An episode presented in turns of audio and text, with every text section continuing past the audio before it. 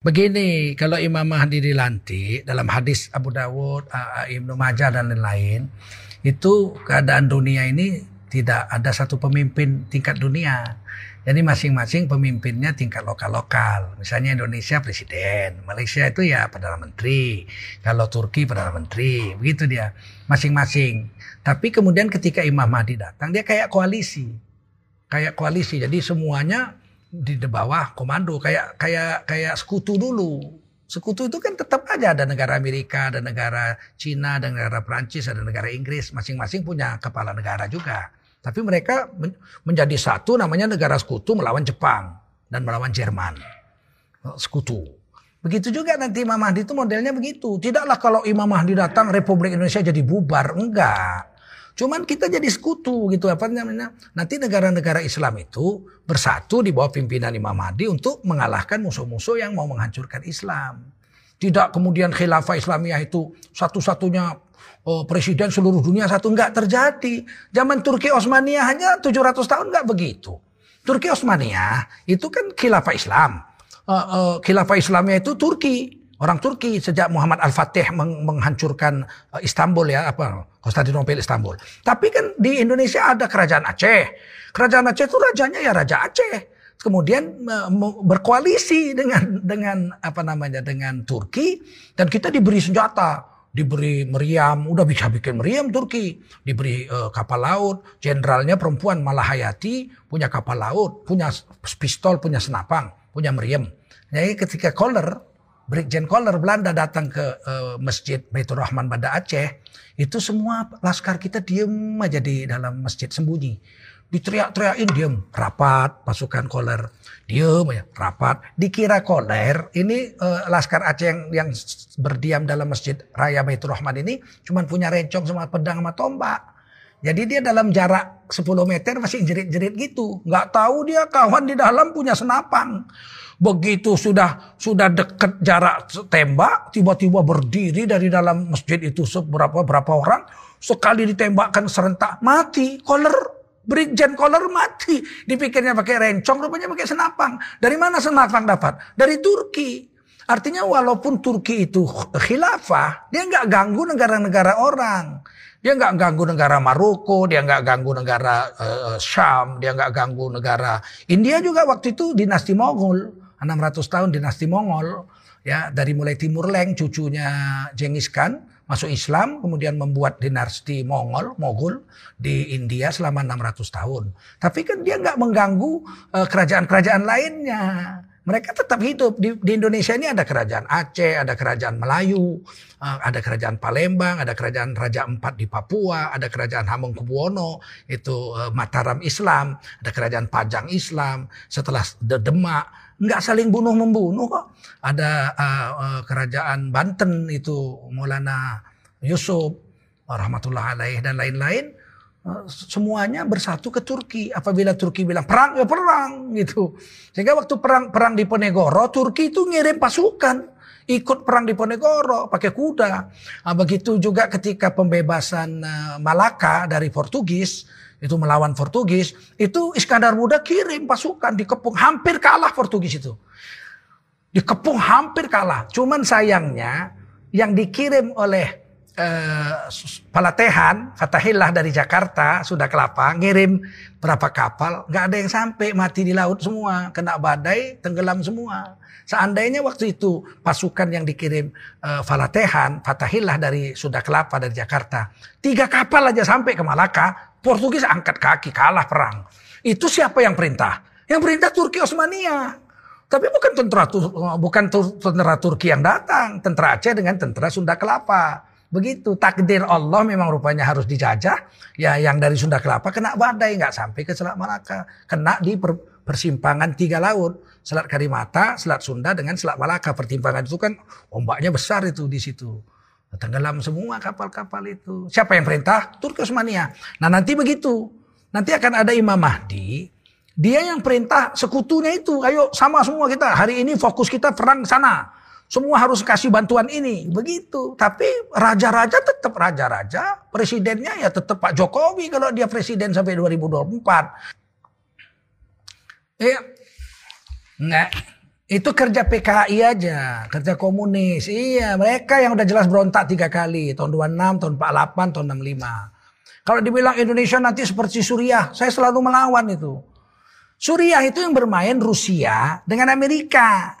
Itu mereka yang kasih senjata. Yang perang itu pemimpinnya yang bermadhab syiah Nusairiyah dengan rakyatnya yang ahlus sunnah wal jamaah. Hmm, itu kan Suriah itu diktator. Masa iya jadi presiden dari bapaknya sampai anaknya pemilu menang terus. Padahal orang Islam situ yang madhab sunninya 90%. Masa yang menang Syiah yang 10%. Ini pasti ada ketimpangan.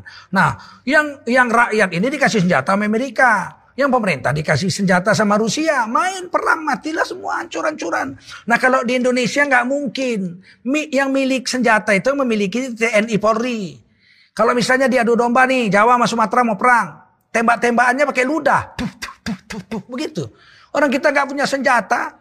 Jadi ini sebetulnya fitnah yang dilakukan oleh orang-orang anti-Islam, apakah sekuler, apakah PKI komunis, apakah anti-Islam ya, orang-orang yang memang benci dengan Islam, kita tidak peduli. Tapi ini sebetulnya fitnah. Nanti kalau Imam Mahdi datang, Indonesia bubar. Kok bubar? Indonesia menjadi koalisi sekutu Islam sedunia. Sebagaimana Amerika ada blok timur, blok barat dulu. Yang blok timur ikut Rusia komandannya. Tapi kan bukan Rusia sendiri. Ada Kuba segala macam di situ. Ada Cina di situ. Sementara uh, Barat dia punya uh, koalisi sendiri blok Barat. Nah kita Indonesia waktu itu bikin Pak Harto itu bikin non blok mulai dari Bung Karno. Kita non blok, nggak ke Barat nggak ke Timur non blok kita. Kerajaan-kerajaan Islam apa negara-negara non blok inilah yang tidak berpihak sana pihak sini. Dia di tengah-tengah. Nah nanti Imam Mahdi begitu juga. Kita nggak ikut blok Yahudi, kita nggak ikut Yahudi itu dengan Nasrani bersatu ya Amerika. Dan kita tidak ikut blok Cina, orang-orang penyembah api, ah, ah, Korea Utara, Cina dan sebagainya. Kita blok Islam. Siapa mimpin? Imam Mahdi. Negaranya mana aja? Ya negara-negara Islam. Udah dimulai Yaman sampai Maroko, termasuk Indonesia, Malaysia, Brunei dan sebagainya. Dan ini ditakuti sekali nih. Maka dibilang akan menghancurkan NKRI. Omong kosong aja. Nggak pernah Islam menghancurkan NKRI. Karena NKRI itu sampai sekarang berdiri 74 tahun. Itu karena orang Islam mendukung NKRI. Kalau orang Islam nggak dukung, sesumatera aja nggak dukung. Mana bisa dipadamkan pemberontakan setiap hari di Sumatera hutan banyak. Ya oleh karena itu janganlah dicurigai orang Islam. Ya, itu fitnah keji aja itu dari orang-orang yang anti agama itu, anti Imam Mahdi. Begitu. Iya. Iya, sedangkan non blok aja bisa meng, bisa mengcounter blok barat, blok timur waktu itu.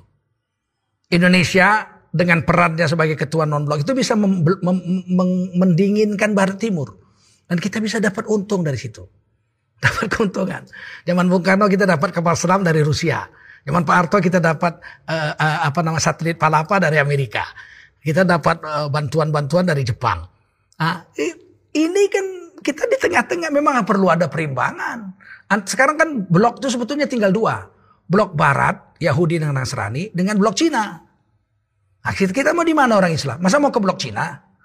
Masa mau ke blok Barat? Nah, kita tetap aja di tengah begitu menjadi perimbangan antara mereka. Dan kekuatan Islam itu hebat. Karena kekayaan alam itu Allah letakkan di negara-negara Islam. Teknologi dipegang oleh Cina dan kawan-kawannya. ya Penyembah-penyembah api, ya majusi. Dengan Nasrani Yahudi sekarang teknologi mereka pegang. Tapi kekayaan sumber alam dipegang orang Islam. Gas bumi, minyak, oh, kekayaan sawitnya, makanan. Oh, bagi kita. Jadi kalau kita ikut blok sana blok sini kita kan rugi besar kita. Tapi kalau kita sendiri blok Islam siapa yang bisa menyatukan itu? Imam Mahdi, nggak ada yang lain. Ya khalifah, khalifah namanya Muhammad bin Abdullah. Sebagaimana dulu Turki jadi khalifah khilafah Islamiyah, kan Republik Indonesia tetap ada negeri-negeri Nusantara. 200 kerajaan. 200 kerajaan di Indonesia, waktu itu namanya Nusantara. Semuanya rujuknya ke Turki. Termasuk Hamengkubuwono. Hamengkubuwono 10 pada Kongres Umat Islam lima tahun yang lalu di Jogja mengatakan. Hamengkubuwono I itu dilantik oleh Turki Osmania. Surat pelantikannya dua bendera. Robean Ka'bah, robean kelambu Ka'bah hitam, itu tertulis la ilaha illallah. dengan bendera hijau tertulis Muhammadun Rasulullah. Itu disimpan oleh Hamengkubuwono I sampai sekarang Hamengkubuwono X. Bahwasanya uh, Hamengkubuwono itu kan Khalifatullah ing tanah Jawi. Hamengkubuwono. Khalifah di tanah Jawa. Khalifatullah, Khalifatullah fil Jawi. Bahasa Jawanya Hamengku Buwono ing tanah Jawi. Pemangku bumi, khalifah fil ardi, ha? fi ardil Jawi. Khalifah fil ardil Jawi. Diterjemahkan dalam bahasa Jawa, Hamengku Buwono ing tanah Jawi. Dan itu sudah sudah dijelaskan oleh Hamengkubuwono X kemarin, Sri Sultan. Jadi apakah kekuasaan Hamengkubuwono hilang dengan dilantik oleh Turki? Enggak, mereka berkuasa di tanah Jawa. Nah kami di Aceh, Sultan Iskandar Muda itu pun dilantik juga. Khalifatullah di tanah Sumatera. Udah itu Raja Malaka itu dilantik juga. Dia berkuasa di Malaka. Jambi ada, Kerajaan Melayu ada juga. Uh, ini semua di Nusantara ini ada 200 kerajaan Islam. Yang semuanya bersatu berkoalisi di bawah kepemimpinan uh, Sultan Turki waktu itu Khilafah Osmaniyah. Sedemikianlah kira-kira yang bisa saya jelaskan tentang Imam Mahdi ini supaya kita orang Islam jangan ikut-ikutan menyudutkan dan memfitnah Imam Mahdi sebagai pemecah belah NKRI. Jauh itu jauh. Berdosa kita nanti di hadapan Allah ya.